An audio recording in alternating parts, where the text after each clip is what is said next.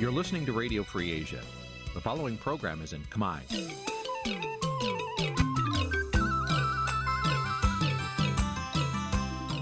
Nǐ chi càm bi tiệp xáy vệt chiu a zì sáy. នេះជាកម្មវិធីផ្សាយរបស់ Vithu Azisari ជាភាសាខ្មែរ វិទ្យុអាស៊ីសេរីសូមស្វាគមន៍លោកអ្នកនាងទាំងអស់ពីរដ្ឋធានី Washington នៃសហរដ្ឋអាមេរិក ចាប់ ពីរដ្ឋធានី Washington នាងខ្ញុំម៉ៅសុធានីសូមជម្រាបសួរលោកអ្នកស្ដាប់ទាំងអស់ជាទីមេត្រី ចាយើងខ្ញុំសូមជូនការផ្សាយសម្រាប់ព្រឹកថ្ងៃប្រហ័ស100ខែអាសាឍឆ្នាំខាលចត្វាស័កពុទ្ធសករាជ2566ហើយដល់ត្រូវនៅថ្ងៃទី14ខែកក្កដាគ្រិស្តសករាជ2022ជាដំបូងនេះសូមអញ្ជើញលោកអ្នកនាងកញ្ញាស្ដាប់ព័ត៌មានប្រចាំថ្ងៃដែលមានមេត្តាដូចតទៅ អ្នកវិភាគរិះគន់ក្រុមប្រឹក្សាធម្មនុញ្ញដែលបើកដៃឲ្យលោកហ៊ុនសែនការរដ្ឋធម្មនុញ្ញជាថ្មីទៀតព្រោះសាសកម្មជនបាក់ភ្លើងទៀនជាប់ឃុំនៅខេត្តបាត់ដំបងក្រុងប្តឹងទៅតុលាការសំណើក្រៅឃុំបណ្ដោះអាសន្នតឡៅតូទម្លាក់បទចោតប្រកាន់មួយករណី លើសកម្មជនប្រៃឈើលោកឆនផល្លាបរដ្ឋជាង400គ្រួសាររិះគន់តឡាការខេត្តកោះកុងថាមិនបានចាត់វិធានការលើជនល្មើស5នាក់ដែលបានកាប់ព្រៃកោងកាងខុសច្បាប់ចារួមនឹងព័ត៌មានផ្សេងផ្សេងមួយចំនួនទៀតជាបន្តទៅទៀតនេះនាងខ្ញុំម៉ៅសុធានីសូមជូនព័ត៌មានទាំងនោះពឺស្ដាប់ លោកនាងជាទីមេត្រីរដ្ឋាភិបាលកម្ពុជា កំពុងស្នើធ្វើវិសោធនកម្មរដ្ឋធម្មនុញ្ញលើកទី10ដែលត្រូវគេមើលឃើញថាជាការត្រួសត្រាយផ្លូវ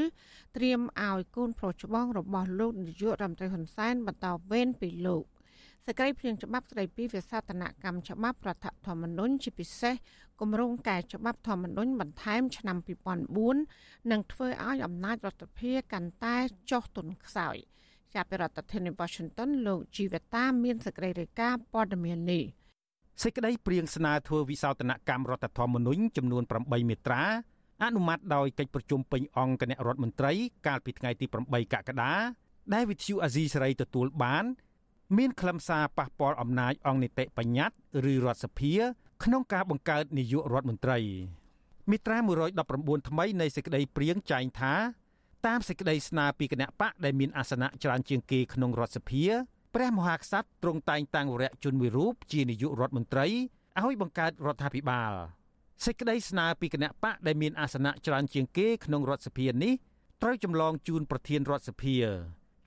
ប្រសិនបើសេចក្តីព្រៀងវិសោធនកម្មរដ្ឋធម្មនុញ្ញនេះត្រូវបានរដ្ឋសភាអនុម័តคล้ายជាច្បាប់នៅពេលខាងមុខនោះមានន័យថារដ្ឋសភាលែងមានទូនាទី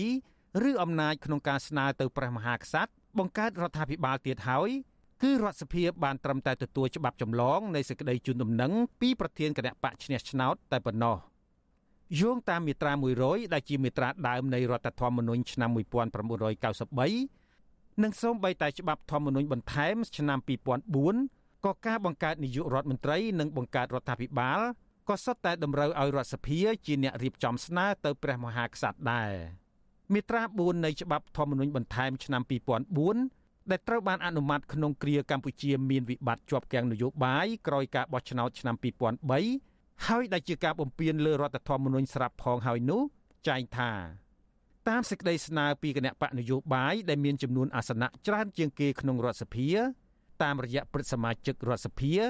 ព្រះមហាក្សត្រទ្រង់តែងតាំងវរៈជនមួយរូបក្នុងចំណោមតំណាងរាស្ត្រនៃគណៈបកនយោបាយដែលឈ្នះឆ្នោត ឲ្យបង្កើតរដ្ឋាភិបាលអ្នកតាមដានស្ថានភាពនយោបាយយល់ឃើញថានេះជាយុទ្ធសាស្ត្ររបស់លោកនាយករដ្ឋមន្ត្រីហ៊ុនសែនក្នុងការធានាឲ្យបានថា កូនប្រុសរបស់លោកគឺលោកហ៊ុនម៉ាណែតនឹងគ្មានឧបសគ្គក្នុងដំណើរការឆ្ពោះទៅកាន់តំណែងជានាយករដ្ឋមន្ត្រីនៅពេលខាងមុខអ្នកវិភាគនយោបាយលោកកឹមសុខថានេះជាការបំពានប្រព័ន្ធសភានិយមគឺប្រធានសភាដែលមានការ យល់ព្រមពីអនុប្រធានទាំងពីរជាអ្នកស្នើឲ្យព្រះមហាក្សត្រតែងតាំងនាយករដ្ឋមន្ត្រីឥឡូវអត់ប្រធានសភាអត់មានការយល់ព្រមពីអនុប្រធានសភាគឺប្រធានគណៈបកដែលមានអាសនៈក្នុងរដ្ឋសភាតែម្ដងដែលមានអាសនៈច្រើនជាងគេបានន័យថារំលងសភាចោលលទ្ធិប្រជាធិបតេយ្យស្របតាមសភានិយមបែបនេះគឺអំណាចនៅលើសភា តែនេះរំលងសភាតែម្ដងទោះជាយ៉ាងណាក្រុមប្រឹក្សាធម្មនុញ្ញដែលមានសមាជិក9រូប ភាគច្រើនជាមន្ត្រីគណៈបកប្រជាជនកម្ពុជានោះកាលពីថ្ងៃទី13កក្កដាម្សិលមិញបានទូលថ្វាយព្រះមហាក្សត្រថាសេចក្តីព្រៀងវិសោធនកម្មរដ្ឋធម្មនុញ្ញលើកទី10នេះមិនមានអ្វីប៉ះពាល់ប្រជាធិបតេយ្យឬរដ្ឋធម្មនុញ្ញនោះទេយ៉ាងណាក៏ដោយចុះគេនៅមិនទាន់ដឹងថាសេចក្តីព្រៀងវិសោធនកម្មរដ្ឋធម្មនុញ្ញនេះនឹងទៅដល់រដ្ឋសភានៅថ្ងៃណានោះទេប៉ុន្តែសេចក្តីព្រៀងនេះកំណត់ថាត្រូវប្រកាសជាការប្រញាប់ ខ្ញុំជីវិតាអាស៊ីសេរីអាស៊ីសេរីចាលោកនានីជាទីមេត្រីកម្ពុជាខកចិត្តចំពោះរឿងរ៉ាវដែលសហរដ្ឋអាមេរិកនៅតែបន្តបិទតថាការដល់មន្ត្រីជាន់ខ្ពស់របស់ក្រសួងការបរទេសការលើកឡើងនេះកើតឡើងក្នុងពេលដំណើរទស្សនកិច្ចរយៈពេល2ថ្ងៃរបស់ឧបការីក្រសួងការបរទេសអាមេរិកលោកដានញ៉ាក្រៃថិនព្រិនមកកាន់កម្ពុជា លោកដានញ៉ាក្រៃថិនព្រិនបានជួបពិភាក្សាជាមួយនឹងរដ្ឋមន្ត្រីការបរទេសកម្ពុជាលោកប្រាក់សុខុនក្រសួងការបរទេសកម្ពុជាឲ្យដឹងតាមរយៈសេចក្តីប្រកាសព័ត៌មាន កាលពីថ្ងៃទី12ខែកក្កដាថាក្នុងជំនួបនោះលោកប្រាក់សុខុនបានលើកឡើងពីការខកចិត្តដែលសហរដ្ឋអាមេរិកនៅតែចាត់ទុកប្រទេសកម្ពុជាថាជាប្រទេសមិនផ្ដល់កិច្ចសហប្រតិបត្តិការតាក់ទងនឹងការធ្វើមាតុភូមិនិវត្តន៍ របស់បរតខ្មែរដែលកំពុងរស់នៅខុសច្បាប់ ឬបានប្រព្រឹត្តល្មើសច្បាប់នៅសហរដ្ឋអាមេរិកហើយដែលបញ្ហានេះធ្វើឲ្យសហរដ្ឋអាមេរិករដ្ឋបិទតថាការចំពោះមន្ត្រីជាន់ខ្ពស់របស់ក្រសួងការបរទេសកម្ពុជាមិនឲ្យធ្វើដំណើរទៅកាន់សហរដ្ឋអាមេរិកក្រៅពីបញ្ហានេះលោកប្រាក់សុខុនក៏បានជំរុញឲ្យសហរដ្ឋអាមេរិកបន្តផ្ដល់ឡើងវិញដល់កម្ពុជា នៅប្រព័ន្ធអនុគ្រោះពន្ធ GSP របស់អាមេរិក ដើម្បីជាប្រយោជន៍ដល់ទំនាក់ទំនងផ្នែកសេដ្ឋកិច្ចរវាងប្រទេសទាំងពីរក្រសួងការបរទេសកម្ពុជាមិនបានឲ្យដឹង ថាតើឧបការីក្រសួងការបរទេសអាមេរិកឆ្លើយតបយ៉ាងណាចំពោះបញ្ហាទាំងនេះទេហើយថាតើមន្ត្រីការបរទេសអាមេរិករូបនេះបានលើកឡើងពីបញ្ហាកង្វល់នានារបស់អាមេរិកពាក់ព័ន្ធនឹងការធ្លាក់ចុះប្រជាធិបតេយ្យនិងសិទ្ធិមនុស្សជាពិសេសគឺការចាប់ដាក់គុកសកម្មជនសិទ្ធិមនុស្ស សញ្ជាតិអាមេរិកដើមកំណើតខ្មែរដ៏មានឥទ្ធិពលគឺកញ្ញាសេងធីរីព្រមទាំងបញ្ហាសង្ស័យជុំវិញរឿងកម្ពុជាលួចអនុញ្ញាតឲ្យចិនប្រើប្រាស់កំពុងផែកងទ័ពជើងទឹករៀមផ្ដាច់មុខដែរឬទេគឺត្រឹមម៉ោងផ្សាយនេះក្រសួងការបរទេសអាមេរិកក៏នៅមិនទាន់ចេញផ្សាយសេចក្តីថ្លែងការណ៍ផ្លូវការណាមួយជុំវិញលទ្ធផលនៃដំណើរទស្សនកិច្ចនេះនៅឡើយដែរ បច្ចុប្បន្នស៊ីស្រីក៏កំពុងតាក់ទងស្ថានទូតអាមេរិកប្រចាំក្រុងភ្នំពេញដើម្បីសុំព័ត៌មានបន្ថែមជុំវិញបញ្ហានេះទោះយ៉ាងណាទំព័រ Facebook របស់ឯកអគ្គរដ្ឋទូតអាមេរិកប្រចាំកម្ពុជា លោក Patrick Murphy និងទំព័រ Twitter របស់ការិយាល័យកិច្ចការអាស៊ីបូព៌ានិង Pacific នៃក្រសួងការបរទេសអាមេរិកឲ្យដឹងថាក្រៅតែពីជួបលោកប្រាក់សុខុន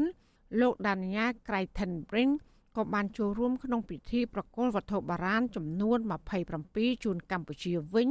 ដោយមានវត្តមានរបស់រដ្ឋមន្ត្រីក្រសួងវប្បធម៌និងវិចិត្រសិល្បៈអ្នកស្រីភឿងសក្កណៈ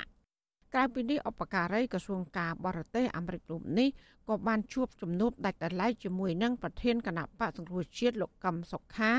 ជួបជាមួយតំណាងអង្គការសង្គមស៊ីវិលដែលធ្វើការដើម្បីលទ្ធិប្រជាធិបតេយ្យនិងសិទ្ធិមនុស្ស ព្រមទាំងបានជួបជាមួយក្រុមយុវជន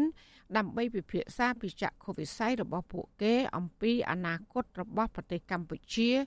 និងតំបន់ Indo-Pacific លោកដានញ៉ាក្រៃថិនព្រិនក៏បានសរសេរនៅលើទំព័រ Twitter របស់ការិយាល័យកិច្ចការអាស៊ីបូព៌ានិង Pacific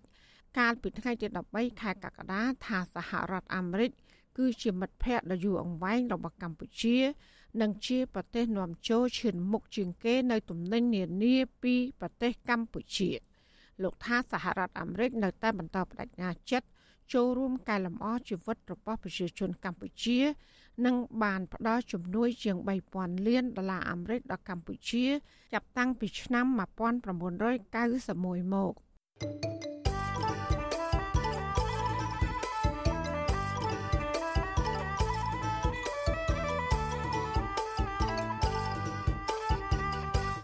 ចាលោកនាងជាទីមេត្រីពាក់ព័ន្ធនឹងសំរុំរឿងក្បត់ជាតិរបស់មេបកប្រឆាំងវិញតំណាងអัยការចាប់ផ្ដើមចោទសួរទំនាក់ទំនងរវាងលោកកឹមសុខាជាមួយនឹងស្ថានទូតនៃប្រទេសមហាអំណាចក្នុងការធ្វើបាតកម្មកាលពីឆ្នាំ2013កន្លងទៅនេះទោះយ៉ាងណាលោកកឹមសុខាមិនបានឆ្លើយទៅសំណួរតំណាងអัยការនោះឡើយចំណែកអមន្ត្រីសង្គមស៊ីវិលលើកឡើងថា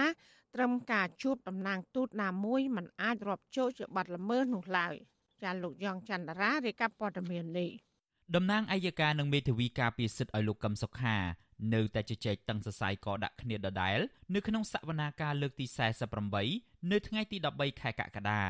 ការជជែកគ្នាតឹងសរសៃកនេះត្រូវបានអ្នកខ្លំមើលសវនាការកត់សម្គាល់ថាពីព្រោះតែតំណាងអัยការតាំងសំណួរឆ្ងាយពីបទចោតដែលហាក់មានចេតនាអូសបន្លាយសំណុំរឿងនេះឲ្យស៊ីពេលកាន់តែយូរបន្ថែមទៀត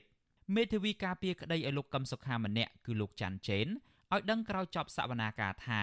តំណាងអัยការបានតាំងសំណួរយ៉ាងក្តៅគគុកទៅលើលោកកឹមសុខាដែលហាក់បីដូចជាគ្រប់រឿងទាំងអស់ទម្លាក់ឲ្យលោកកឹមសុខាទទួលខុសត្រូវតែម្នាក់ឯងលោកឲ្យដឹងទៀតថានៅចុងម៉ោងតំណាងអัยការបានយកវីដេអូនៃការថ្លែងរបស់លោកកឹមសុខាក្នុងពេលធ្វើបាតកម្មនៅទីលានប្រជាធិបតេយ្យកាលពីឆ្នាំ2013ដែលកាលនោះលោកកឹមសុខាថ្លែងថា ក្រោយជួបបាតកោលោកនឹងទៅជួបតំណាងស្ថានទូតប្រទេសមហាអំណាចនៅត្រង់ចំណុចនេះតំណាងអัยការបានព្យាយាមសួរដេញដោលលោកកឹមសុខាដើម្បីបញ្ជាក់ថាតើលោកទៅជួបទូតមួយណាទោះជាយ៉ាងណាលោកកឹមសុខាមិនបានឆ្លើយនឹងសំណួរតំណាងអัยការនោះទេមេបកប្រឆាំងរូបនេះត្រឹមប្រាប់ទៅតំណាងអัยការវិញថាគ្រប់ទូតនៅកម្ពុជាគឺជាមិត្តរបស់កម្ពុជា ហើយការដែលលោកជួបតំណាងអង្គទូតណាមួយក៏មិនខុសច្បាប់នោះដែរ។ស រុបមកវិញគឺបណ្ដាអង្គទូតនោះមានន័យថាគេមកជួយកម្ពុជា បាទវាវាវាមិនមែនជាសត្រូវរបស់កម្ពុជាទេដើម្បីថែរក្សាមុខមាត់បណ្ដាអង្គទូតអាយរំកឹមសខាគាត់មិនបានបញ្ជាក់ទេបាទបញ្ជាក់ថាទូតឈ្មោះអ្វីដែលដែលបានជួបជាមួយគាត់ទេសូមបញ្ជាក់ថាអាយរំកឹមសខាក្តីប្រជាពលរដ្ឋខ្មែរក្តីអ្នកនយោបាយក្តីដែលបានជួបជាមួយបណ្ដាអង្គទូតវាមិនមែនរឿងខុសច្បាប់ទេតកតងទៅនឹងរឿងនេះដែរមេធាវីការពារក្តីលោកកឹមសុខាម្នាក់ទៀតគឺលោកផែងហេង ធ្លាប់ប្រាប់វិទ្យុអាស៊ីសេរីថាការចាប់ខ្លួននិងចោទប្រកាន់លោកកឹមសុខាគឺសមត្ថកិច្ចតែងតែភ្ជាប់សហរដ្ឋអាមេរិកទៅនឹងសំណុំរឿងរបស់លោកកឹមសុខាអញ្ញាធរដ្ឋាភិបាលលោកហ៊ុនសែនបានចាប់ខ្លួនប្រធានគណៈបកសង្គ្រោះជាតិលោកកឹមសុខា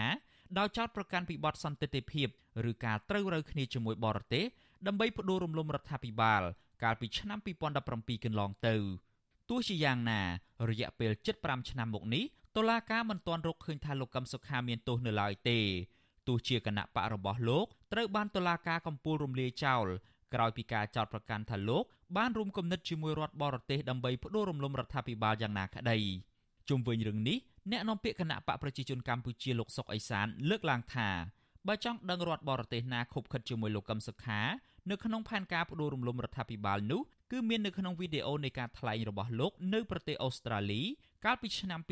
2013អ្នកនាំពាក្យគណៈបកកណ្ដាលអំណាចរូបនេះអះអាងទៀតថា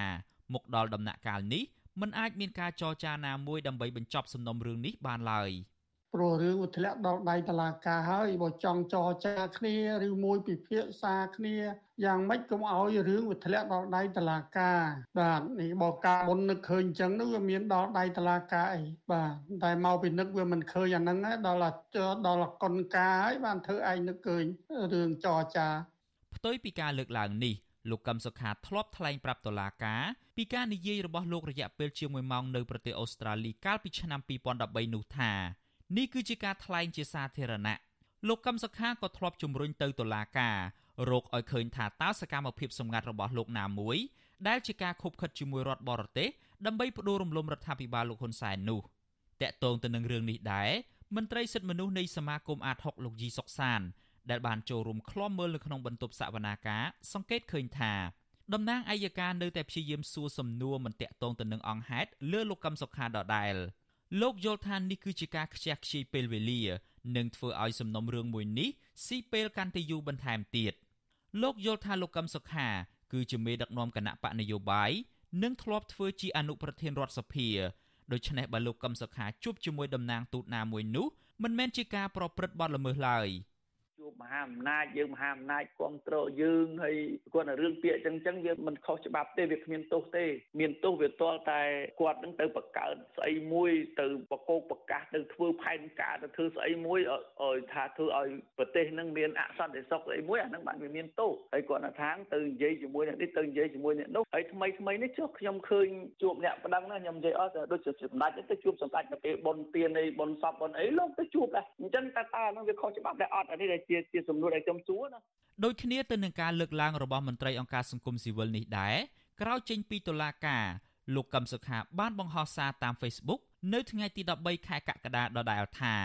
លោកបានជួបជាមួយឧបការីរដ្ឋមន្ត្រីការបរទេសសហរដ្ឋអាមេរិកទទួលបន្ទុកកិច្ចការអាស៊ីបូព៌ានិងប៉ាស៊ីហ្វិកលោក Daniel Crittenbrink កាលពីថ្ងៃទី12ខែកក្កដាលោកក៏សម្គាល់ឃើញថាប្រទេសប្រជាធិបតេយ្យនៅតែចាត់ទុកកម្ពុជាជាមិត្ត និងចង់បន្តជួយកម្ពុជាទៀតដោយពង្រឹងកិច្ចសហប្រតិបត្តិការជាមួយគ្នាដដែលសវនាការសំណុំរឿងលោកកឹមសុខាលើកទី48នេះក៏មិនខុសគ្នាពីលើកមុនមុនដែរគឺមានការឃ្លាំមើលពីមន្ត្រីសិទ្ធិមនុស្សតំណាងអង្គការសហប្រជាជាតិតំណាងអង្គទូតបរទេសនិងមន្ត្រីអង្គការសង្គមស៊ីវិលចំណែកនៅក្រៅរបងតុលាការវិញក៏មានអ្នកគាំទ្រគណៈបកសង្គ្រោះជាតិប្រមាណ30នាក់និងមានការរឹតបន្តឹងសន្តិសុខពីក្រមអាជ្ញាធរផងដែរ តុលាការនឹងជំនុំជម្រះក្តីសំណុំរឿងលោកកឹមសុខាបន្តទៀតនៅថ្ងៃពុធទី20ខែកក្កដាសប្តាហ៍ក្រោយនេះខ្ញុំយ៉ងច័ន្ទដារាវិទ្យុអាស៊ីសេរីរាយការណ៍ពីរដ្ឋធានី Washington លោកនានីជាទីមេត្រីពាក់ព័ន្ធនឹងការឃុំខ្លួនសកម្មជនគណៈបកភ្លើងទៀននៅឯខេត្តបាត់ដំបងក្រុមគ្រួសារសកម្មជនបកនេះក្រុងដាក់ពាក្យបណ្ដឹងទៅតុលាការឲ្យដោះលែងសមាជិកគ្រួសាររបស់ខ្លួននៅក្រៅឃុំបណ្ដោះអាសន្ន ពួកគេស្នើឲ្យតុលាការពន្យានីតិវិធីដោះស្រាយរឿងក្តីនេះឲ្យបានឆាប់ដើម្បីផ្ដល់សិទ្ធិភាពពេញលេញដល់ជនជាប់ឃុំក្រុមគ្រួសារសកម្មជនគណៈបកភ្លើងទៀនលោកលីសុខុននៅតែបន្តស្នើសុំឲ្យតុលាការខេត្តបាត់ដំបងដោះលែងប្តីឲ្យនៅក្រៅឃុំបណ្ដោះអាសន្នបិទស្ថានភាពរស់នៅក្នុងពន្ធនាគារជួបការលំបាកខណៈនីតិវិធីដោះស្រាយរបស់តុលាការនៅតែពជាពេល ប្រពន្ធលោកលីសុខុនគឺអ្នកស្រីលីនលីដាប្រាប់បទឈុអសីស្រីនៅថ្ងៃទី13ខែកក្កដាថាមកដល់ពេលនេះតឡាការឃុំខ្លួនប្តីនៅពន្ធនាគារអស់រយៈពេលជាង1ខែមកហើយតឡាការនៅមិនទាន់កាត់ក្តីសម្រាប់នៅឡើយទេខណៈដែលរឿងក្តីក្តាំនេះគឺជារឿងតូចតាចប៉ុណ្ណោះលោកស្រីបន្តថាលោកស្រីកំពុងពិភាក្សាជាមួយមេធាវី ដើម្បីដាក់ពាក្យបណ្ដឹងទៅតុលាការឲ្យដោះលែងលោកលីសុខុននៅក្រៅឃុំបណ្ដោះអាសន្នដើម្បីរងចាំនីតិវិធីសម្រាប់របស់តុលាការលោកស្រីបន្តថាការស្នើសុំឲ្យនៅក្រៅឃុំនេះគឺដើម្បីសម្រាប់បន្ទុកជីវភាពក្រុមគ្រួសារនិងឲ្យប្តីបានរស់នៅក្រៅពន្ធនាគារដែលមានសភាពមិនសូវល្អនោះ។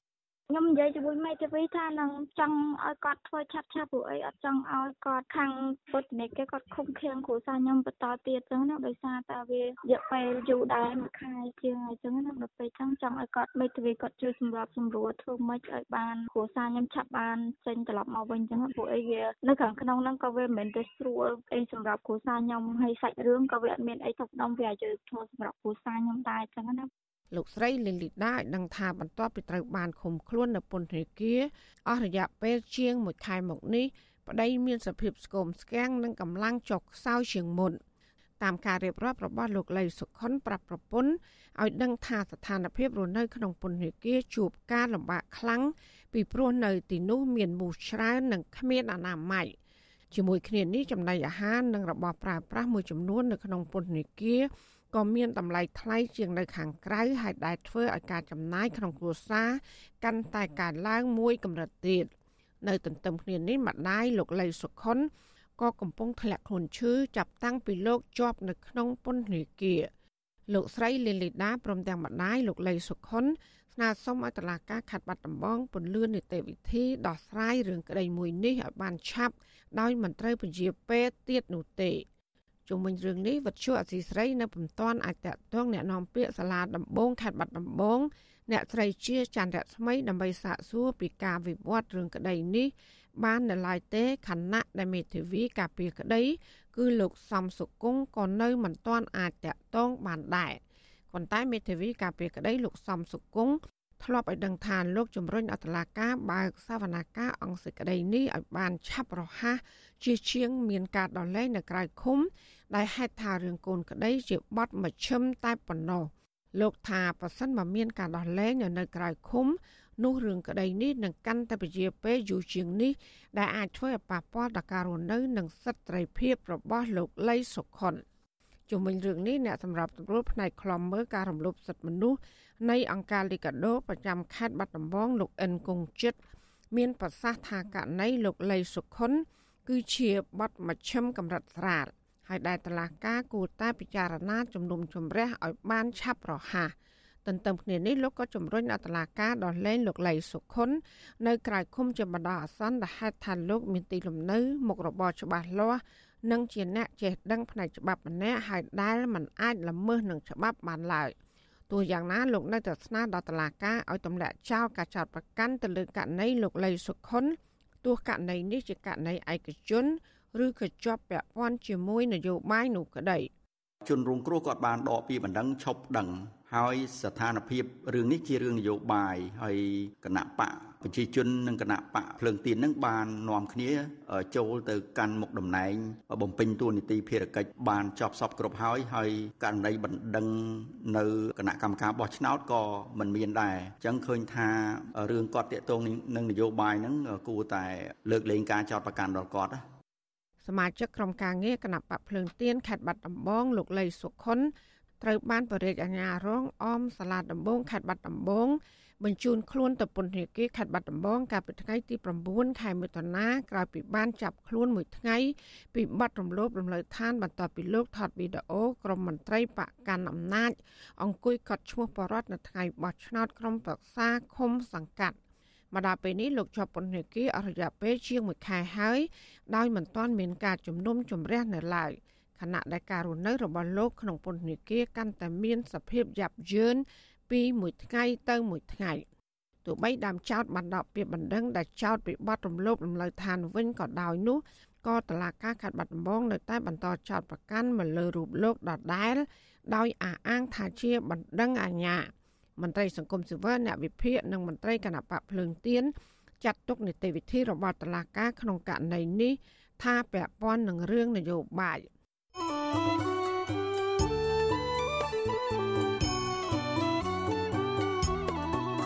ចាលោកនាងជាទីមេត្រីក្រោយទៅពីការស្ដាប់ការផ្សាយរបស់វិទ្យុអសីស្រីតាមបណ្ដាញសង្គម Facebook និង YouTube លោកដានៀងកញ្ញាក៏អាចស្ដាប់ការផ្សាយរបស់យើង តាមរយៈរលក ធាតុអាកាសខ្លីឬ short wave ដូចតទៅ ចាប់ពីព្រឹកចាប់ពីម៉ោង5កន្លះដល់ម៉ោង6កន្លះ គឺតាមរយៈរលកធាតុអាកាសខ្លី12140 kHz ស្មើនឹងកម្ពស់ 25m និង13715 kHz ស្មើនឹងកម្ពស់ 22m ចាសម្រាប់ពេលយប់វិញគឺចាប់ពីម៉ោង7កន្លះដល់ម៉ោង8កន្លះគឺតាមរយៈរលកធាតុអាកាសខ្លី9960 kHz ស្មើនឹងកម្ពស់ 30m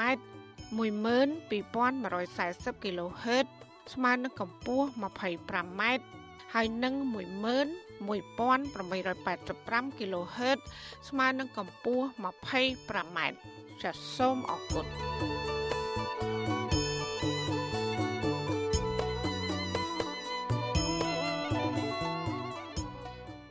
ចាលោកដានៀងកញ្ញាកំពុងស្ដាប់ការផ្សាយរបស់វិទ្យុអសីស្រីផ្សាយចេញពីរដ្ឋធានី Washington មន្ត្រីនាំពាក្យគណៈបកកណ្ដាលអំណាចថាគណៈបកនេះពុំមានភាពចាំបាច់នឹងជួបជជែកជាមួយនឹងគណៈបកក្រៅរដ្ឋាភិបាលចំនួន5ដែលមានបំណងកែលម្អប្រព័ន្ធបោះឆ្នោតនិងសេរីភាពនយោបាយនៅកម្ពុជានោះឡើយតើគណៈបកនយោបាយចំនួន5នោះចង់កែលម្អប្រព័ន្ធបោះឆ្នោតអ្វីខ្លះមុនការបោះឆ្នោតជាតិឆ្នាំ2023ខាងមុខ ចាសសេចក្តីរាយការណ៍ពុស្ដាអំពីរឿងនេះលោកណានៀងនឹងបានស្ដាប់នាពេលបន្តិចទៀតនេះចាសសូមអរគុណ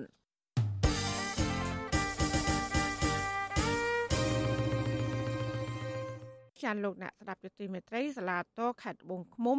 សម្រាប់ទម្លាក់បទចោតប្រកាន់រសកម្មជនប្រៃឈើលោកឆនផល្លាកាលពីព្រឹកថ្ងៃទី13ខែកក្កដា ប្រពន្ធលោកឆនផល្លារីករាយចំពោះសេចក្តីសម្រេចនេះខណៈដែលមន្ត្រីសង្គមស៊ីវិលលើកឡើងថាលោកឆនផល្លាគឺជាសកម្មជនប្រៃឈើដ៏គំរូមួយ ហើយទាមទារឲ្យតុលាការលើកលែងបទចោតប្រកាន់មកលើលោកទាំងអស់ចាលោកយ៉ងចន្ទរាមានសេចក្តីរាយការណ៍ដាច់ដライមួយទៀតអំពីរឿងនេះប្រធានក្រុមប្រឹក្សាជំនុំជម្រះសាឡាវធរត្បូងឃ្មុំលោកមុងមនីចរិយាសម្រាប់លើកលែងបទចោទប្រកាន់លើសកម្មជនប្រៃឈើលោកឈុនផល្លាតាក់ទងទៅនឹងបទកាប់គាស់ រុករៀនឆ្កាដុតនិងឈូសឆាយដីព្រៃធ្វើជាកម្មសិទ្ធិប្រពន្ធរបស់លោកឈុនផល្លាលោកស្រីខំសាឡុងឲ្យដឹងនៅថ្ងៃទី13ខែកក្កដាថាលោកស្រីរីករាយចំពោះសេចក្តីសម្រេចរបស់សាឡាវធរត្បូងឃ្មុំនេះក៏ប៉ុន្តែលោកស្រីនៅតែព្រួយបារម្ភពីសុខភាពប្តីដដែលពីព្រោះគាត់មិនទាន់ទទួលបានសេរីភាពវិញនៅឡើយទេខណៈគាត់មានជំងឺលើសឈាម និងទឹកនោមផ្អែមប្រចាំកាយលោកស្រីយល់ឃើញថាការចោទប្រកាន់ទាំងឡាយមកលើប្តីរបស់លោកស្រី គឺជាការគំរាមដល់ប្រជាពលរដ្ឋកុំឲ្យមានការតវ៉ាបញ្ហាដីធ្លី និងការពៀព្រៃសហគមន៍នៅមួយរឿងទៀតគេដាក់ធនាគារ6ឆ្នាំណាខាងអាជ្ញាធរគាត់ប្តឹងគាត់ខាងបកឋានចាប្តឹងគាត់ថាគាត់ឆាយនៅលើភ្នំអាកនោះការពេតរឿងនោះអត់ពេតប្រកបទេរឿងគេចោទប្រកាន់គេបំផុសបំផុលណាគេចង់ឲ្យជាបរដ្ឋរុញថយកុំឲ្យយើងតវ៉ារឿងដីធ្លីតកតងទៅនឹងរឿងនេះដែរ មេធាវីការពារក្តីឲ្យលោកឈុនផល្លាគឺលោកសំទិតសីហាប្រាប់វិទ្យុអាស៊ីសេរីថាកន្លងទៅតុលាការខេត្តរតនគិរីបានសម្រេចចោទប្រកាន់លោកឈុនផល្លាដោយគ្មានភ័ស្តុតាងជាក់លាក់នោះទេហើយការសម្រេចទម្លាក់ប័ណ្ណចោទប្រកាន់មកលើកូនក្តីរបស់លោកពីសំណាក់សាឡាវធននេះគឺជាការផ្ដល់យុត្តិធម៌ដល់កូនក្តីរបស់លោក គេបានចោទកាន់ថាលោកឈុនផល្លានឹងកាប់ទន្ទ្រានដីរហូតដល់ជាង60ហិកតាប៉ុន្តែជាពិតទាំងសាលាដំបងខេត្តរតនគិរីអត់បានរកឃើញថាទីតាំងដីដែលលោកឈុនផល្លាបានកាប់ទន្ទ្រាននោះនៅណាហើយពិតប្រកបនៅណានិយាយមកការច្បាស់លាស់ទេប៉ុន្តែសម្រាប់រហូតដល់អនុវត្តទោសគាត់5ឆ្នាំលោកឈុនផល្លាមានវ័យ40ឆ្នាំរស់នៅភូមិសមុទ្រក្រោមឃុំសេដាស្រុកលំផាត់ខេត្តរតនគិរីលោកគឺជាសកម្មជនការពារព្រៃឈើនិងធនធានធម្មជាតិដ៏លេចធ្លោមួយរូបនៅក្នុងខេត្តនេះ លោកបានចំណាយពេលវេលាជាង10ឆ្នាំដើម្បីចងក្រងឯកសារពាក់ព័ន្ធទៅនឹងការបំផ្លាញព្រៃឈើហើយបានដាក់ពាក្យប្តឹងបរិហាចំពោះអាជ្ញាធរដែលមិនបំពេញតួនាទីការពារព្រៃឈើនិងដីធ្លីរបស់ប្រជាពលរដ្ឋជុំវិញរឿងនេះមន្ត្រីកម្មវិធីពង្រឹងសិទ្ធិអំណាចសហគមន៍មូលដ្ឋាននៃសមាគមអាត60លោកប៉ែនប៊ុនណាថ្លែងថាសេចក្តីសម្រេចរបស់សាឡាវធរត្បូងឃ្មុំនេះគឺជារឿងត្រឹមត្រូវនិងជាយុត្តិធម៌លោកបញ្ជាក់ថាលោកឈុនផល្លាគឺជាសកម្មជនប្រៃឈើគំរូ ដែលសកម្មនៅក្នុងការចោះស្រាវជ្រាវ និងចងក្រងឯកសារតាក់ទងទៅនឹងការកាប់បំផ្លាញព្រៃឈើនិងធនធានធម្មជាតិនាពេលកន្លងទៅ លោកយល់ថាការធ្វើទុកបុកម្នេញតាមរយៈប្រព័ន្ធតុលាការលើលោកឈុនផល្លាកន្លងមកនោះគឺជាការសងសឹកចំពោះរូបគាត់ដែលហ៊ានដាក់ពាក្យប្តឹងបរិហាទៅលើមន្ត្រីមូលដ្ឋានដែលមិនបានបំពេញតួនាទីការពារព្រៃឈើនិងដីធ្លីបងតែសំខាន់និយាយសូមឲ្យកូនខ្មែរដល់ហ្នឹង យកគំរូតាមលោកឆនបាឡានោះដាក់បណ្ដឹងបរិហាចំពោះជនល្មើសដែលកាប់បំផ្លាញព្រៃឈើដែលចាក់លុបបឹងដែលចាក់លុបសមុទ្រដែលកាយភ្នំកាយហ្នឹងដែលជាបទល្មើសហ្នឹងទៅតុលាការដើម្បីយើងឃើញយ៉ាងណាដើម្បីឲ្យទទួលខុសត្រូវចំពោះមុខច្បាប់គិតត្រឹមថ្ងៃទី13ខែកក្កដាឆ្នាំ2022លោកឆនផល្លាបានជាប់ពន្ធនាគារអស់រយៈពេល79ខែមកហើយលោកត្រូវបន្តជាប់ឃុំនៅក្នុងពន្ធនាគារដដែលតាមអំណាចសាលក្រមរបស់សាលាដំបងខេត្តរតនគិរីតុលាការខេត្តនេះ បានផ្ដន្ទាទោសលោកដាក់ពន្ធនាគារ6ឆ្នាំកាលពីថ្ងៃទី8ខែកក្កដាថ្មីថ្មីនេះនៅក្នុងសំណុំរឿងដាច់ដライមួយទៀតគឺពីបទផ្ដាំគំនិតញុះញង់ឲ្យប្រជាពលរដ្ឋកាប់រុករានដីព្រៃធ្វើជាកម្មសិទ្ធិទោះជាយ៉ាងណាមេធាវីសំទិតសីហាបញ្ជាក់ថា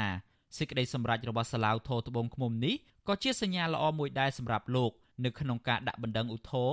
ស្នើសុំឲ្យតុលាការជាន់ខ្ពស់មួយនេះទម្លាក់ចោលបទចោទប្រកាន់មួយករណីទៀតលើកូនក្តីរបស់លោក កាលពីថ្ងៃទី5ខែកក្កដាកន្លងទៅការិយាល័យឧត្តមស្នងការសិទ្ធិមនុស្សអង្គការសហប្រជាជាតិប្រចាំនៅកម្ពុជា បានបង្ហាញការព្រួយបារម្ភថាការកាត់ទោសលោកឈុនផល្លាឲ្យជាប់ពន្ធនាគារគឺធ្វើឡើងបន្ទាប់ពីលោកមិនព្រមដកពាក្យបណ្ដឹងប្រឆាំងមន្ត្រី7រូបដែលខកខានមិនបានបំពេញកាតព្វកិច្ចការពារដីធ្លីតំណាងអង្គការសហប្រជាជាតិផ្នែកសិទ្ធិមនុស្សនៅកម្ពុជាចាត់ទុករឿងក្តីលោកឈុនផល្លានេះគឺជាការបំផិតបំភ័យលើជនជាតិដើមភាគតិច និងអ្នកការពារសិទ្ធិមនុស្សហើយបណ្ដឹងនេះគឺជាការសងសឹកដោយផ្ទាល់ចំពោះសកម្មភាពស្របច្បាប់ និងសន្តិភាពរបស់សកម្មជនព្រៃឈើនៅក្នុងការការពារព្រៃសហគមន៍របស់ពួកគាត់ខ្ញុំយ៉ងច័ន្ទដារាវិទ្យុអាស៊ីសេរីរាយការណ៍ពីរដ្ឋធានី Washington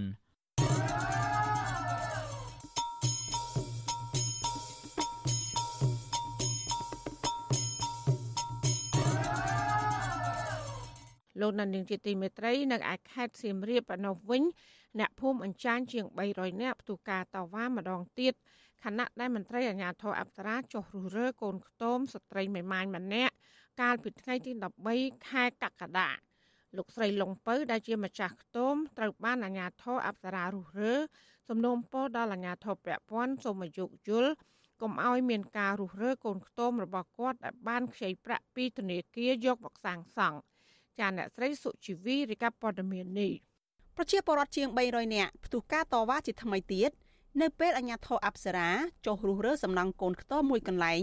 ក្នុងភូមិអញ្ចាញសង្កាត់នគរធំក្រុងសៀមរាបអ្នកភូមិបានដេញមន្ត្រីអាជ្ញាធរអប្សរាឲ្យចេញទៅវិញនិងមិនឲ្យរុះរើខ្ទមឡើយពលរដ្ឋដែលបានចូលរួមតវ៉ាលោកសុកភ័ណ្ឌបានលើកឡើងថាកូនខ្ទមដែលអាជ្ញាធរអប្សរាចង់រុះរើនេះលោកស្រីលងពៅបានសាងសង់ថ្មី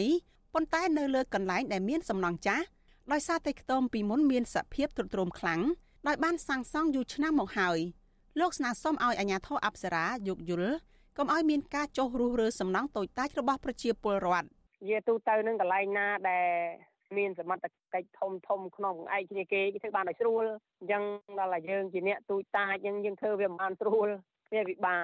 ម្ចាស់ខ្ទមដែលអាញាធរអប្សរាចុះរុះរើលោកស្រីលងពៅប្រាប់វិទ្យុអាស៊ីសេរីថាលោកស្រីបានដាក់ពាក្យស្នើសុំសាងសង់ទៅអាញាធរអប្សរាដែរប៉ុន្តែកន្លងមកខាងអាញាធរអប្សរាតែងតែបដិសេធមិនឲ្យលោកស្រីសាងសង់អ្វីឡើយ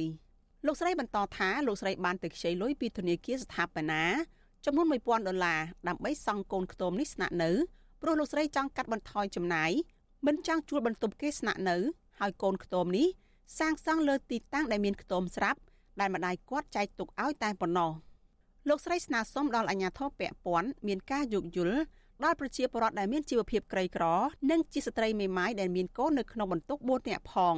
ខ្ញុំថាអូអ្នកមានគេមានច្បាប់អ្នកមានគេមានច្បាប់តែបងប្រជាជនក្រីក្របងអត់មានអត់ឲ្យច្បាប់បងសោះហ្មងបងសុំអូនឯងរហូតមិនមែនបងអត់សុំទេបងសុំរហូតប៉ុន្តែពេលដែលបងបងសុំអូនឯងដូចដូចឲ្យអូនឯងមកមើលកន្លែងបងហើយ មិនមិនឲ្យបងធ្វើហ្មងវិទ្យុអាស៊ីសេរីនៅមិនទាន់អាចសុំការឆ្លើយតបរឿងនេះពីមន្ត្រីអាជ្ញាធរអប្សរាបានទេ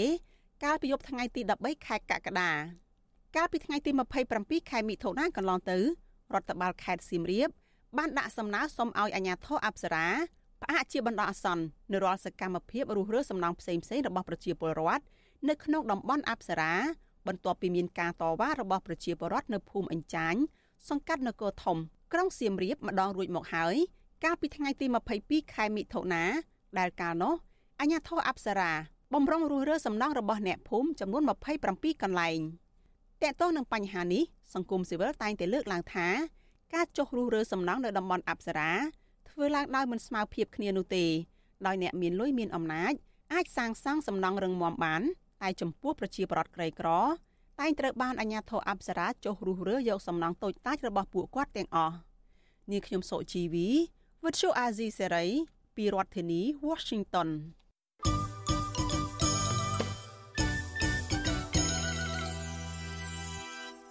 លោកណានីងជាទីមេត្រីនៅឯខេត្តកោះកុងឯណោះវិញមន្ត្រីសង្គមស៊ីវិលនិងប្រជាប្រដ្ឋរាប់រយគ្រួសាររិះគន់តឡាការខេត្តនេះថាអសមត្ថភាពដោះស្រាយសំណុំរឿងកັບទន្ទ្រានប្រៃកោងកាងខុសច្បាប់ ប្រកបដោយវិជ្ជាជីវៈនិងក្រមសីលធម៌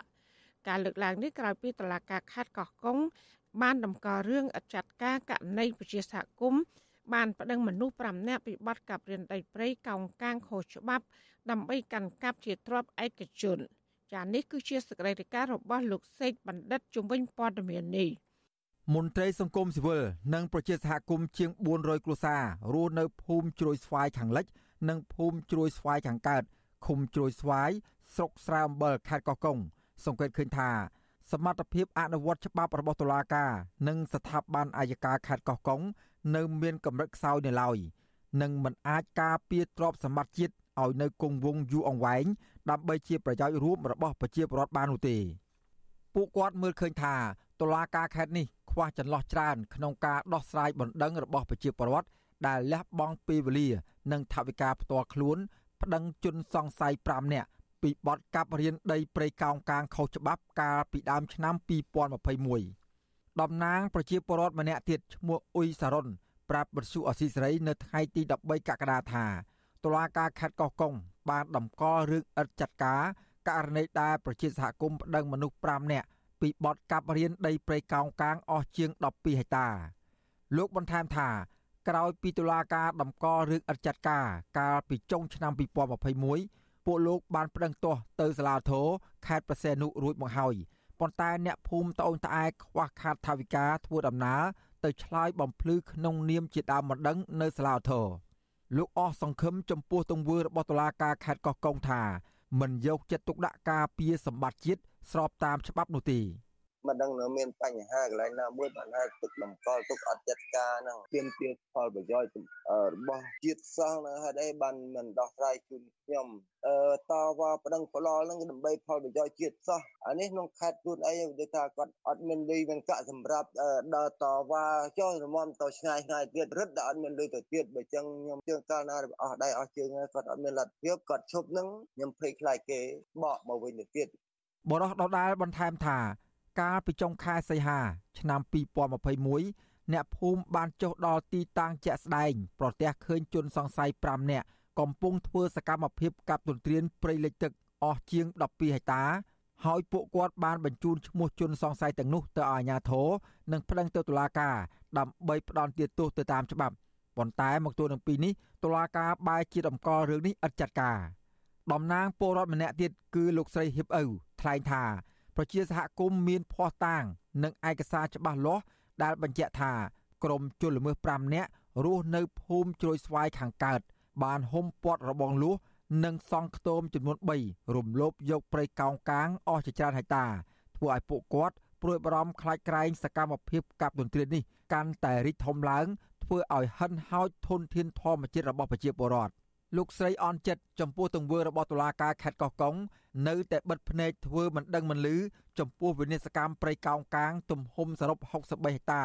ដែលកំពុងប្រឈមការបាត់បង់ជាបន្តបន្ទាប់។ មុនវងជាផោះតាំងឥឡូវផោះតាំងពួកខ្ញុំអោយគ្រប់គ្រាន់អស់ហើយនៅតែអត់ដោះស្រាយអោយនឹងមូលហេតុអីពួកខ្ញុំគាត់ថាវាឆ្ងល់ឆ្ងល់លែងនិយាយអត់ដោះស្រាយអោយហើយដីនៅតែដីគេមិនយកទៅណាគេគាត់និយាយគេអត់យកទៅណាគាត់ថាដីហ្នឹងគឺកាប់បំផ្លាញអស់ហើយលំនិយាយអស់ហើយនៅតែបើសន្សាយពួកយើងស្ងាត់គឺទៅមុខទៀតចង់និយាយថាអត់ដោះស្រាយឲ្យជាបរដ្ឋហ្នឹងគាត់ថាមិនដឹងថារត់ទៅផ្លូវណាអញ្ចឹងវិទ្យុអាស៊ីសេរីនៅពុំទាន់អាចតាក់ទងសុំការបំភ្លឺអំពីរឿងនេះពីអ្នកនាំពាក្យតុលាការខេត្តកោះកុងលោកឈិនឡុង និងប្រធានមន្ទីរបរិស្ថានខេត្តកោះកុងលោកហ៊ុនម៉ារឌីបាននៅឡើយទេ នៅថ្ងៃទី13ខែកក្កដាចំណែកអ្នកនាំពាក្យសាលាខេត្តកោះកុងលោកសុកសុធីក៏វិទ្យុអសីសេរីពុំទាន់អាចសុំការបំភ្លឺបានដែរដោយទូរស័ព្ទហៅចូលច្រើនដង តែពុំមានអ្នកទទួលអ្នកភូមិជ្រោយស្វាយខាងលិច និងជ្រោយស្វាយខាងកើតបានចាត់ទុកព្រៃកោងកាងនៅតំបន់នោះថាអាចបង្កើតបានជាតំបន់អេកូទេសចរធម្មជាតិទាញប្រយោជន៍ពីទេសភាព បំរើឲ្យវិស័យទេសចរផ្ដល់ឱកាសការងារដល់ប្រជាសហគមន៍លើពីនេះទៀតអ្នកភូមិតែងតែទទួលបានផលប្រយោជន៍ពីព្រៃកោងកាង តាមរយៈការនេសាទត្រី និងការរកក្តាមខ្យងមកផ្គត់ផ្គង់ជីវភាពប្រចាំគ្រួសារជាដើមជុំវិញរឿងនេះមន្ត្រីសម្របសម្រួលសមាគមអាត6ខេត្តកោះកុងលោកថោងច័ន្ទតារា មើលឃើញថា ទង្វើរបស់តុលាការគឺជាឧបសគ្គប៉ះពាល់ដល់ប្រព័ន្ធច្បាប់ បង្កើតឲ្យមានការរំលោភសិទ្ធិមនុស្សនិងធនធានធម្មជាតិដែលជាហេតុធ្វើឲ្យជនល្មើសមិនរៀងចាលលោកសង្ស័យថាសំណុំរឿងនេះអាចជាប់ពាក់ព័ន្ធនឹងអំពើពុករលួយ និងអ្នកមានអំណាចនៅពីក្រោយខ្នងទើបធ្វើឲ្យតុលាការមិនហ៊ានអនុវត្តច្បាប់លើក្រុមជនល្មើស។ ដោយថាទៅប្រឹងផ្ដាល់អីដើម្បីជួយរកយុត្តិធម៌ហ្នឹងគាត់អស់សង្ឃឹមនឹងអាប្រព័ន្ធតឡាការដំណាត់ការរបស់តឡាការហ្នឹងអាញាធរក៏គាត់មិនលវីលវល់ដោះស្រាយដែរជាបរដ្ឋគាត់ប្តឹងទាំងអាញាធរស្រុកប្តឹងទាំងអាញាធរខេត្តទាំងទាំងអាអាដេញសមត្ថកិច្ចជំនាញអីហ្នឹងប៉ុន្តែពួកគាត់ហាក់បីដូចជាមិនយកចិត្តទុកដាក់វាដូចទៅជាប្រព័ន្ធតែម្ដងអញ្ចឹងបាទមន្ត្រីសង្គមស៊ីវិលរូបនេះអំពាវនាវឲ្យឧត្តមក្រុមប្រឹក្សាអង្គចៅក្រម និងស្ថាប័នពាក់ព័ន្ធមេត្តាចុះពិនិត្យករណីនេះនិងកែលម្អចំណុចខ្វះចន្លោះរបស់តុលាការខេត្តនេះឡើងវិញជាវៀងទង្វើនេះកើតឡើងដដែលដដែលបង្កគ្រោះថ្នាក់ដល់បរិស្ថាន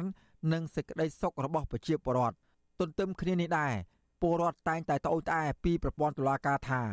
មានភាពទន់ខ្សោយក្នុងការវិនិច្ឆ័យរឿងក្តីតាក់ទងនឹងបទល្មើសកាប់រៀនដីព្រៃកោងកាង លោកពន្យល់ថា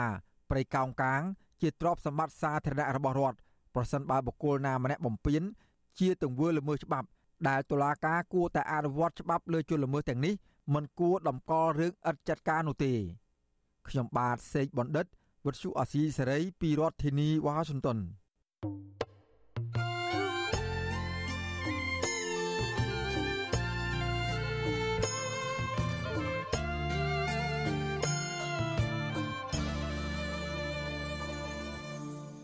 ចាលោកណានីងជាទីមេត្រីមន្ត្រីនាំពាក្យគណៈបកកណ្ដាលអំណាច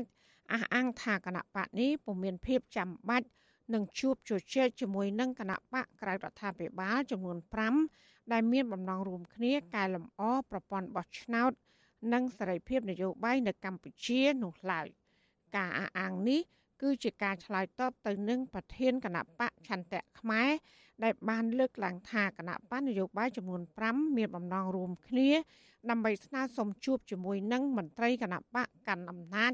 ដើម្បីជជែកអំពីសំណើរបស់គណៈបកនេះទាមទារឲ្យស្ថាប័នពាក់ព័ន្ធកែលម្អប្រព័ន្ធបោះឆ្នោត នៅមុនការបោះឆ្នោតជាតិនៅឆ្នាំ2023ខាងមុខ ចាអ្នកស្រីសុជីវី មានសេចក្តីរាយការណ៍ពឹស្ដារជំវិញព័ត៌មាននេះដូចតទៅមន្ត្រីគណៈបកកណ្ដាលអំណាចហាក់ពុំបានមើលឃើញថាគណៈបកទាំង5មានតម្លៃនិងកម្លាំងគ្រប់គ្រាន់ក្នុងការស្នើសុំជួបជជែករឿងកែលម្អគណៈកម្មាធិការជាតិរៀបចំការបោះឆ្នោត និងបញ្ហាផ្សេងផ្សេងទៀតទាក់ទងនឹងការបោះឆ្នោតឡើយដោយសំអាងថាគណៈបកទាំងនោះគឺជាគណៈបកដែលភាកច្រើន មានប្រភពមកពីគណៈបកប្រឆាំងគឺគណៈបកសង្គ្រោះជាតិតែមួយនិងអះអាងថាកោជបជាស្ថាប័នឯករាជ្យតាំងពីបានរៀបចំការបោះឆ្នោតនៅក្នុងឆ្នាំ2017មកម្លេះ។អ្នកនាំពាក្យគណៈបកប្រជាជនកម្ពុជាលោកសុកអេសានមានប្រសាសន៍ប្រាប់វិទ្យុអាស៊ីសេរីកាលពីល្ងាចថ្ងៃទី12ខែកក្កដាថាបើទោះបីជាគណៈបកទាំង5ប្រើមធ្យោបាយណាក៏ដោយការដាក់សម្ពាធបែបណាក៏ដោយក៏មិនអាចទាញគណៈបករបស់លោកឲ្យចូលរួមការពិភាក្សាណាមួយបានឡើយ លោកបញ្ជាក់ថាបើទោះបីជាគណៈបកទាំងនោះធ្វើពហិការមិនចូលរួមការបោះឆ្នោតនិងមានការតវ៉ាណាមួយរបស់ប្រជាពលរដ្ឋម្ចាស់ឆ្នោតក៏ដោយក៏គណៈបកប្រជាជនកម្ពុជារបស់លោកមិនចូលរួមពិភាក្សារឿងកែតម្រង់គណៈកម្មាធិការជាតិរៀបចំការបោះឆ្នោតដែរមុនពេលបោះឆ្នោតគាត់គិតថាបាននិយាយថាបរិយាកាសនយោបាយល្អបានគាត់ចូលរួមបោះឆ្នោតអញ្ចឹងបានសេចក្តីថាបើគាត់នៅតែចាញ់ឆ្នោតគាត់នៅតែថា ចូលយកនឹងមិនយុត្តិធម៌មិនអជាក្រិតដែរអញ្ចឹងដូរប្រមាណដងក៏នៅតែដែរដែរពីព្រោះគាត់នឹងអ្នកដូរហើយគណៈបក5ហ្នឹងហើយដែលជាអតីតបកប្រឆាំងពីមុនមកអញ្ចឹងគាត់ដូរទៅអីទៀតទេគាត់ដាក់លក្ខខណ្ឌអីក៏ដោយបានអត់ទៅរួចទេបាទអត់ទៅរួចទេមួយបាច់ខានលោកសុកអេសានបញ្ជាក់ថែមទៀតថានៅកម្ពុជាមានគណៈបកជាច្រើនទៀតដែលនឹងចូលរួមការបោះឆ្នោតមិនមែនមានតែគណៈបកទាំង5នេះទេ ការលើកឡើងរបស់លោកសុកអេសាននេះបន្ទាប់ពីគណៈបកចំនួន5រួមមានគណៈបកប្រជាធិបតេយ្យមូលដ្ឋានគណៈបកភ្លើងទៀនគណៈបកកែតម្រង់កម្ពុជា និងគណៈបកកម្ពុជានិយមកំពុងរួមសម្លេងគ្នាក្នុងគោលបំណងស្នើឲ្យមានការកែលម្អប្រព័ន្ធបោះឆ្នោតនិងសេរីភាពនយោបាយនៅកម្ពុជា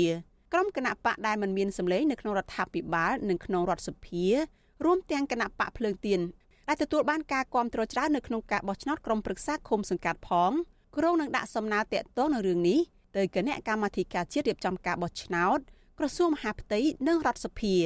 ជាមួយគ្នានេះក្រុមគណៈបកនយោបាយទាំងនេះក៏មានគម្រោងជួបជជែកជាមួយនឹងអង្គការសង្គមស៊ីវិលនិងបណ្ដាអង្គទូតប្រទេសប្រជាធិបតេយ្យដែលគាំទ្រការបោះឆ្នោតនៅកម្ពុជា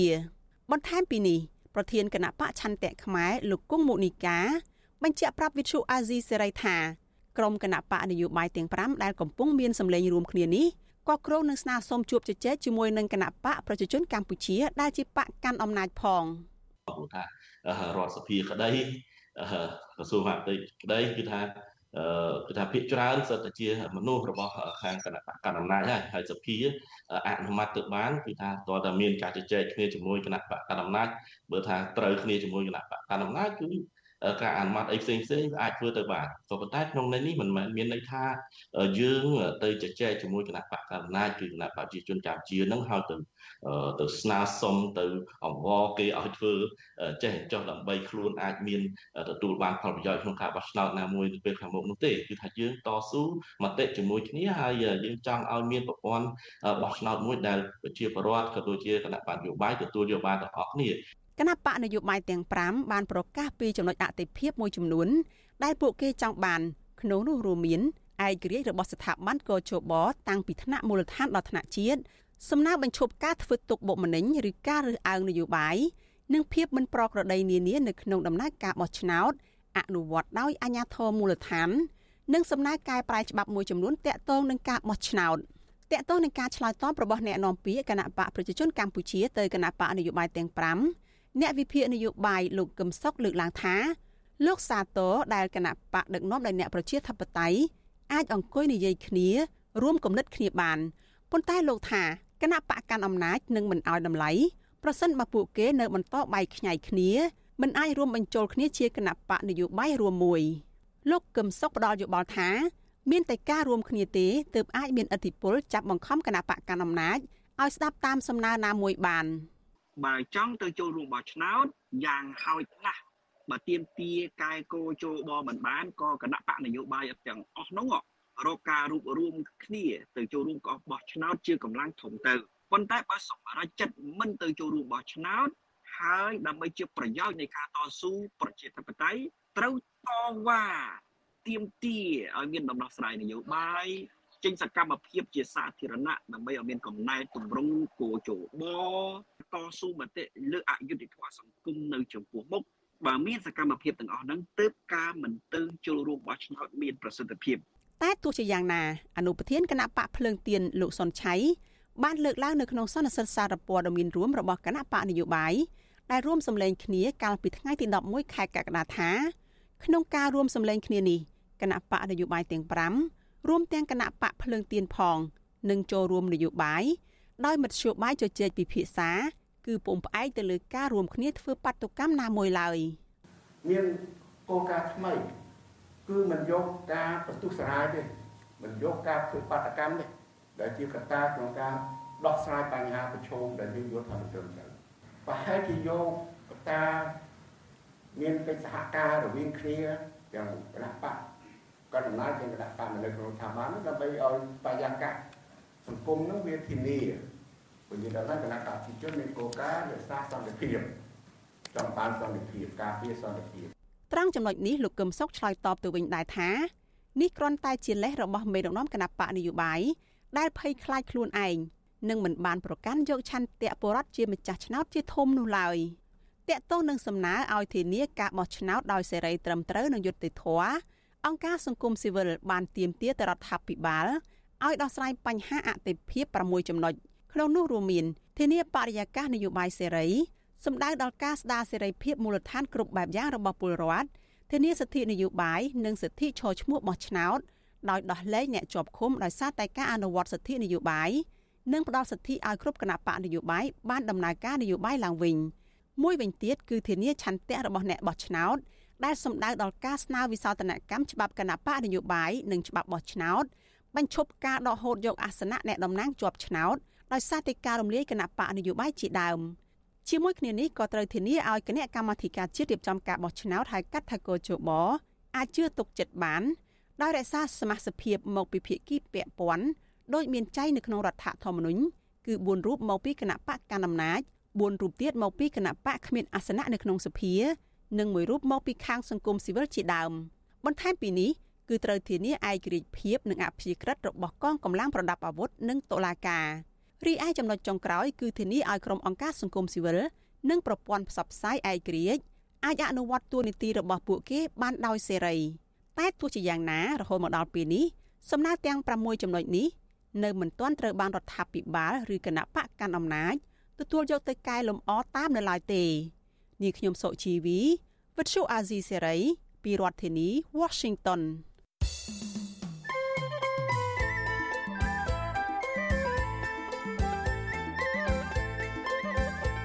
នេតិសុខភាព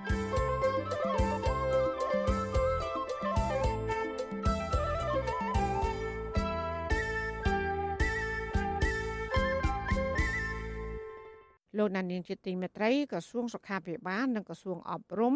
កាលពីពេលថ្មីថ្មីនេះអំពាវនាវដល់យុវជននិងប្រជាពលរដ្ឋឲ្យបញ្ឈប់ការប្រើប្រាស់បារីអេឡិចត្រូនិកពីព្រោះវាបណ្ដាលឲ្យប៉ះពាល់ធ្ងន់ធ្ងរដល់សុខភាព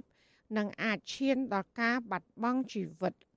តើបារីអេឡិចត្រូនិកមានប្រើប្រាស់សារធាតុអ្វីខ្លះដែលនាំឲ្យប៉ះពាល់ធ្ងន់ធ្ងរដល់សុខភាពចានៅក្នុងនេតិសុខភាពប្រចាំសប្តាហ៍នេះនាងខ្ញុំសូមរាយការណ៍ជូនពុស្ដាជំនាញរឿងនេះដូចតទៅបារីអេឡិចត្រូនិកមានដាក់សារធាតុគីមីនិងជាតិនីកូទីននៅពេលអ្នកប្រើប្រាស់បឺតស្រូបជាតិផ្សែងចូលទៅក្នុងរាងកាយ គឺវាចូលទៅក្នុងខួរក្បាលរបស់អ្នកជក់បញ្ហានេះវាបង្កឲ្យកើតជំងឺសួតរ៉ាំរ៉ៃជំងឺដាច់សរសៃឈាមក្នុងខួរក្បាល និងជំងឺកាំងបេះដូងជាដើមម្ចាស់ clinic មេតានៅរាជធានីភ្នំពេញលោកវិជ្ជបណ្ឌិតហៀងរតនាមានប្រសាសន៍ប្រាប់បច្ចុប្បន្នអសីស្រីថាអ្នកប្រើប្រាស់បារីអេឡិចត្រូនិកមានផលវិបាកធ្ងន់ធ្ងរដល់សុខភាព ដូចជាអ្នកជក់បារីផងដែរ លោកបន្តថាសារធាតុដែលបានប្រើក្នុងបារីអេឡិចត្រូនិកបណ្ដាលឲ្យអ្នកប្រើប្រាស់ញៀននិងប៉ះពាល់ដល់សរីរាង្គសំខាន់សំខាន់មួយចំនួនទៀតនៅពេលដែលយើងបឺតផ្សែងបារីទៅការផ្លាស់ប្ដូរអុកស៊ីហ្សែននៅក្នុងក្របឈាមអត់បានល្អទី1មួយទៀតគឺអាសារធាតុកាបូនម៉ូណូអុកសាយនៅក្នុងសារធាតុផ្សែងបារីហ្នឹងគឺវារំខានដល់ការចាប់យកក្របឈាមនៅជាតិអុកស៊ីហ្សែនអញ្ចឹងធ្វើឲ្យកម្រិតក្របឈាមយើងគឺអត់មានជាតិអុកស៊ីហ្សែនគ្រប់គ្រាន់ទេ នៅពេលដែលយើងជក់អានឹងច្រើនបានន័យថាការចិញ្ចឹមខួរក្បាលរបស់យើងដែលក្របឈាមហ្នឹងគឺចិញ្ចឹមអត់បានគ្រប់គ្រាន់ប៉ុន្តែចិញ្ចឹមខួរក្បាលហើយសម្បត្តិក៏ចិញ្ចឹមបេះដូងចិញ្ចឹមខ្សែឈាមចិញ្ចឹមសរីរាង្គផ្សេងផ្សេងហ្នឹងក៏អត់គ្រប់គ្រាន់ដែរអញ្ចឹងគឺធ្វើឲ្យមានប៉ះពាល់ដល់ការចងចាំប៉ះពាល់ដល់ការលូតលាស់បញ្ញាស្មារតីដល់អារម្មណ៍ឬក៏ធ្វើឲ្យមាន depression ធ្វើឲ្យមានជំងឺថប់អារម្មណ៍ហ្នឹងគឺវាអាចកើតឡើងដែរក្រសួងសុខាភិបាល និងក្រសួងអប់រំកាលពីថ្ងៃទី24ខែមិថុនាអំពាវនាវដល់យុវជននិងបរិវត្ត ឲ្យបញ្ឈប់ការប្រើប្រាស់បារីអេឡិចត្រូនិកជាបន្ទាន់ការប្រកាសនេះធ្វើឡើងនៅបន្ទាប់ពីមានការកើនឡើងនៃអ្នកប្រើប្រាស់ជាពិសេសយុវជនក្មេងៗនិងសិស្សនៅតាមសាលាក្រសួងសុខាភិបាលសង្កត់ធ្ងន់ថាការប្រើប្រាស់បារីអេឡិចត្រូនិកក្នុងចំណោមកុមារនិងមនុស្សវ័យជំទង់ មានផលវិបាកធ្ងន់ធ្ងរដល់ការអភិវឌ្ឍខួរក្បាល មានអារម្មណ៍ឆាប់មួម៉ៅឆាប់ខឹងបាត់បង់ការចងចាំនិងមានជំងឺថប់អារម្មណ៍ជាដើមបន្ថែមពីនេះពួកគេនឹងបន្តញៀនជក់បារី និងប្រើប្រាស់គ្រឿងញៀននៅពេលដែលពួកគេធំដឹងក្តីកាលពីឆ្នាំ2014ក្រសួងសុខាភិបាល បានប្រកាសហាមឃាត់ពីការប្រើប្រាស់និងការធ្វើអាជីវកម្មលក់ចែកចាយបារីអេឡិចត្រូនិកនេះ នឹងចេញសេចក្តីប្រកាសណែនាំបន្ថែមកាលពីឆ្នាំ2021ជុំវិញគ្រោះថ្នាក់នៃការប្រើប្រាស់បារីអេឡិចត្រូនិកក៏ប៉ុន្តែរហូតមកដល់ពេលនេះនៅតែមានជនឆ្លៀតឱកាសមួយចំនួន បន្តផ្សព្វផ្សាយលក់ផលិតផល ATP នៅលើបណ្ដាញសង្គមហើយដែលក្រសួងសុខាភិបាលចាត់ទុកថាការផ្សព្វផ្សាយនេះគឺជាទង្វើល្មើសច្បាប់ គ្រូពេទ្យជំនាញឯកទេសទូទៅលោកវិជ្ជបណ្ឌិតហៀងរតនាបន្តថាការប្រើប្រាស់បារីអេឡិចត្រូនិកពីដើមដំបូងគឺគេប្រើសម្រាប់ជួយផ្ដាច់ការជក់បារីប៉ុន្តែក្រោយៗមកក្រុមហ៊ុនអាជីវកម្មផលិតបារីអេឡិចត្រូនិកបានប្រើសារធាតុគីមីនិងជាតិនីកូទីនដោយបង្កើតគ្រប់ព័ន្ធនិងទម្រង់រូបភាពដើម្បីតាក់ទាញអ្នកប្រើប្រាស់យើងឃើញថាមួយរយៈចុងក្រោយនេះយើងឃើញថាមានការពេញនិយមមែនទែនគឺឃើញក្មេងៗចាប់ផ្ដើមនាំគ្នាចេះប្រើច្រើន តាមពិតបារីអេឡិចត្រូនិកហ្នឹងពីដើមឡើយគេគេធ្វើដើម្បីសម្រាប់ឲ្យអ្នកដែលចង់ផ្ដាច់បារីដើម្បីជក់អាហ្នឹងទៅដើម្បីឲ្យគាត់ជំនួសបារីដែលគេដំបូងគេគិតថាវាអត់ប៉ះពាល់សុខភាពទេប៉ុន្តែក្រោយមកគឺឃើញថាអ្នកដែលប្រើហ្នឹងគឺគឺគាត់នៅតែមានប៉ះពាល់សុខភាពដូចគ្នាមិនចាញ់បារីដែលយើងជក់ធម្មតាហ្នឹងទេគឺធម្មតាគឺជក់វាគេដាក់ទឹកថ្នាំ ទឹកថ្នាំហ្នឹងក៏វាមានសារធាតុមានដែរសូម្បីតែសារធាតុនីកូទីនក៏មានក្នុងទឹកថ្នាំវានឹងដែរសារធាតុថ្នាំពណ៌សារធាតុរក្សាទុកអីហ្នឹងអញ្ចឹងគឺវាធ្វើឲ្យប៉ះពាល់សុខភាពដូចគ្នាហើយគឺឃើញថាអាបារីហ្នឹងផ្សែងវាច្រើនអញ្ចឹងធ្វើឲ្យផ្សែងហ្នឹងចូលទៅពុលពេញសួតហ្មងហើយធ្វើឲ្យមាត់ស្ងួតមាត់ហ្នឹងងាយមានដំបៅនិយាយទៅផលប៉ះពាល់វាគឺអត់ចាញ់អាបរិយាជក់ធម្មតាហ្នឹងទេលោកវិជ្ជបណ្ឌិតក៏បានណែនាំដល់មេដាបេដាឬអាណាព្យាបាល ត្រូវតាមដានសកម្មភាពកូនកូននិងការប្រែប្រួលអាកប្បកិរិយារបស់ពួកគេ លោកមានប្រសាសន៍ថាប៉ះសិនបើក្មេងឬយុវជន ប្រើប្រាស់បារីអេឡិចត្រូនិកពួកគេនឹងអាចឈានដល់ការប្រើប្រាស់គ្រឿងញៀនផ្សេងទៀតដូចជាកញ្ឆាឬអាភៀនជាដើមយើងឃើញថាក្មេងៗមិនទាន់គ្រប់យុគប្រើវេអញ្ចឹងយើងក្នុងនាមជាអាណាព្យាបាលយើងអាចតាមដានមើលកូនយើងផងហើយជាពិសេសបើក្មេងនឹងគាត់ចេះប្រើវេប្រើអីហើយបើន័យថា គាត់ជាក្មេងដ៏ល្អទេគាត់ជាគិតឆ្លាតតិចអីហើយហើយគាត់ជាអាចឈានទៅដល់ការប្រើប្រាស់គ្រឿងញៀនទៀតអញ្ចឹងមកយើងដឹងថាគាត់ប្រើវេយើងត្រូវតាមដានធ្វើពីគាត់ឲ្យបានច្បាស់ទូមានណែនាំគាត់ហើយជាពិសេសមើលការខ្សែគប់មិត្តភ័ក្តិរបស់កូនកូនគាត់ហ្នឹងណាឲ្យចេះខ្សែគប់មិត្តភ័ក្តិល្អហើយត្រូវយកចិត្តទុកដាក់ចំណែកឯក្រសួងអប់រំវិញក៏បានចេញសេចក្តីណែនាំពីការទប់ស្កាត់ការប្រើប្រាស់បារីអេឡិចត្រូនិកនិងផលិតផល នៅតាមគ្រឹះស្ថានសិក្សាសាធារណៈនិងឯកជនផងដែរ ក្រសួងអប់រំណែនាំដល់អង្គភាពចំណុះក្រសួងមន្ត្រីអប់រំរាជធានីខេត្តនិងគ្រឹះស្ថានសិក្សារដ្ឋនិងឯកជនទាំងអស់ត្រូវផ្សព្វផ្សាយពីផលប៉ះពាល់ធ្ងន់ធ្ងរនៃការប្រើប្រាស់បារីអេឡិចត្រូនិកដល់បុគ្គលិកអប់រំនិងអ្នកសិក្សាព្រមទាំងហាមដាច់ខាតការប្រើប្រាស់ការចែកចាយការជួញដូរនិងការផ្សព្វផ្សាយពាណិជ្ជកម្មគ្រប់រូបភាពទាំងនៅក្នុងនិងជុំវិញបរិវេណគ្រឹះស្ថានសិក្សា ក្រសួងក៏បានអំពាវនាវដល់មេដាបេដាអាណាព្យាបាលបុគ្គលិកអប់រំ និងអ្នកសិក្សាត្រូវតែរាយការណ៍ជូនសមត្ថកិច្ចដើម្បីចាត់វិធានការជាបន្ទាន់បើសិនបើរកឃើញមុខសញ្ញាទីតាំងចែកចាយការជួញដូរនិងការប្រើប្រាស់បារីអេឡិចត្រូនិកច្បាប់ស្តីពីការត្រួតពិនិត្យផលិតផលថ្នាំជក់អ្នកជក់បារីគឺត្រូវមានអាយុលើសពី18ឆ្នាំអង្គការសុខភាពពិភពលោកឲ្យដឹងថាការជក់បារីនិងការប្រើថ្នាំជក់ បណ្ដាលឲ្យមនុស្សស្លាប់និងប៉ះពាល់ធ្ងន់ធ្ងរដល់សេដ្ឋកិច្ចជាតិដែលនាំឲ្យខាត់បង់ចំណូលសេដ្ឋកិច្ចប្រចាំឆ្នាំប្រមាណជាង600លានដុល្លារនៅប្រទេសកម្ពុជា ការស្រាវជ្រាវក៏បានរកឃើញថានៅកម្ពុជា ក្នុងមួយឆ្នាំមួយឆ្នាំមានអ្នកស្លាប់ចំនួន15000នាក់នៅក្នុងចំណោមអ្នកប្រើប្រាស់សរុបជាង2លាននាក់បន្ថែមពីនេះកម្ពុជាចំណាយថវិកាជាង160លានដុល្លារអាមេរិក សម្រាប់សេវាព្យាបាលជំងឺរ៉ាំរ៉ៃទូទៅដែលជាប់ពាក់ព័ន្ធនឹងការជក់បារី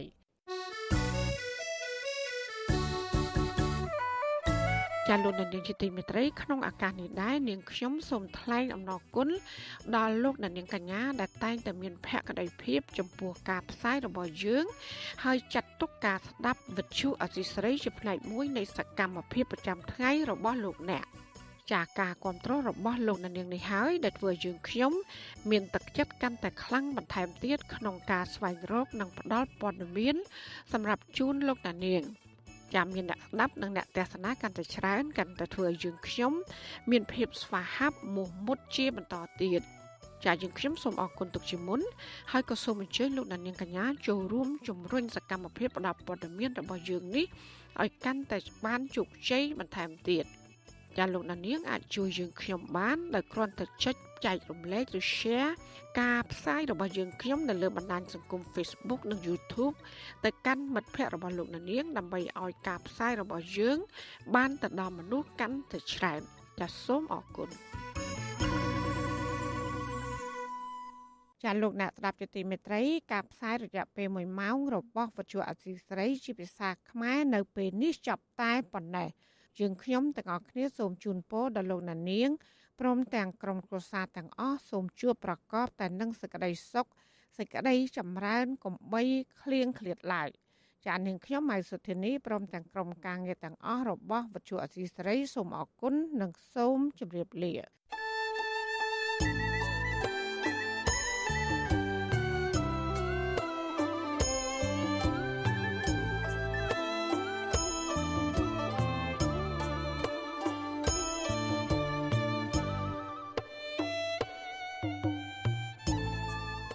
វិទ្យុអាស៊ីសេរីផ្សាយតាមរលក ធាតុអាកាសខ្លីឬ shortwave តាមកម្រិតនិងកម្ពស់ដូចតទៅនេះពេលព្រឹកចាប់ពីម៉ោង5កន្លះដល់ម៉ោង6កន្លះតាមរយៈរលកធាតុអាកាសខ្លី12140 kHz ស្មើនឹងកម្ពស់ 25m និង13715 kHz ស្មើនឹងកម្ពស់ 22m ពេលយប់ចាប់ពីម៉ោង7កន្លះដល់ម៉ោង8កន្លះតាមរយៈរលកធាតុអាកាសខ្លី 9960 kHz ស្មើនឹងកម្ពស់ 30m 12140 kHz ស្មើនឹងកម្ពស់ 25m និង11885 kHz ស្មើនឹងកម្ពស់ 25m លោកអ្នកនាងអាចស្ដាប់ការផ្សាយផ្ទាល់តាមប្រព័ន្ធអ៊ីនធឺណិតដោយចូលទៅកាន់គេហទំព័រ www.rfa.org/ ខ្មែរក្រៅពីនេះលោកអ្នកនាងក៏អាចអាននិងទស្សនាព័ត៌មាន Visual Asia លើទូរស័ព្ទដៃរបស់លោកអ្នកផ្ទាល់សូមលោកអ្នកនាងចូលទៅកាន់បណ្ដាញសង្គម Facebook ដែលមានអាសយដ្ឋាន www.facebook.com/rfa.cambodia និង YouTube www.youtube.com/rfa khmer video សូមលោកអ្នកនាងចុច like និងចុច Subscribe ដើម្បីទទួលបានព័ត៌មានថ្មីៗទាន់ហេតុការណ៍និងទស្សនាវីដេអូផ្សេងៗទៀត បានគ្រប់ពេលវេលា។